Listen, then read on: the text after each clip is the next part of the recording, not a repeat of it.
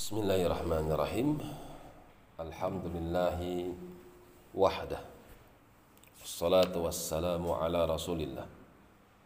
Alladhi rasul wa la wa ba'd. Masih di dalam surah Ghafir sampai pada firmannya tentang yaumat talaq hari perjumpaan setiap hamba akan berjumpa dengan Tuhannya. Yaumahum barizun. Pada hari itu semua dinampakkan tanpa terkecuali. Tidak ada yang tersembunyi di hadapan Allah Subhanahu wa taala la yakhfa 'ala Allah minhum syai. Tidak ada satupun yang tersembunyi dari Allah Subhanahu wa taala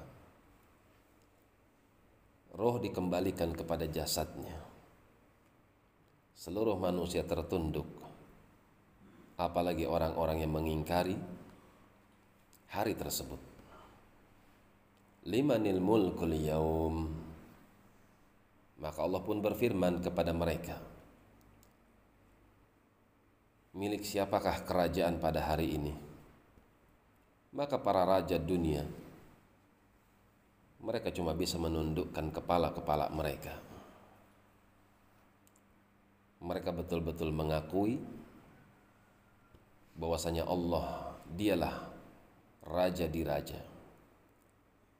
Meskipun mereka di dunia ketika itu tidak mengi, tidak mengakuinya, namun pada hari kiamat mereka pada akhirnya mengakuinya. Lillahil wahidil qahar. Kerajaan itu miliknya Allah. Al-Wahid. Dia esa tidak dua, tidak tiga. Al-Qahar.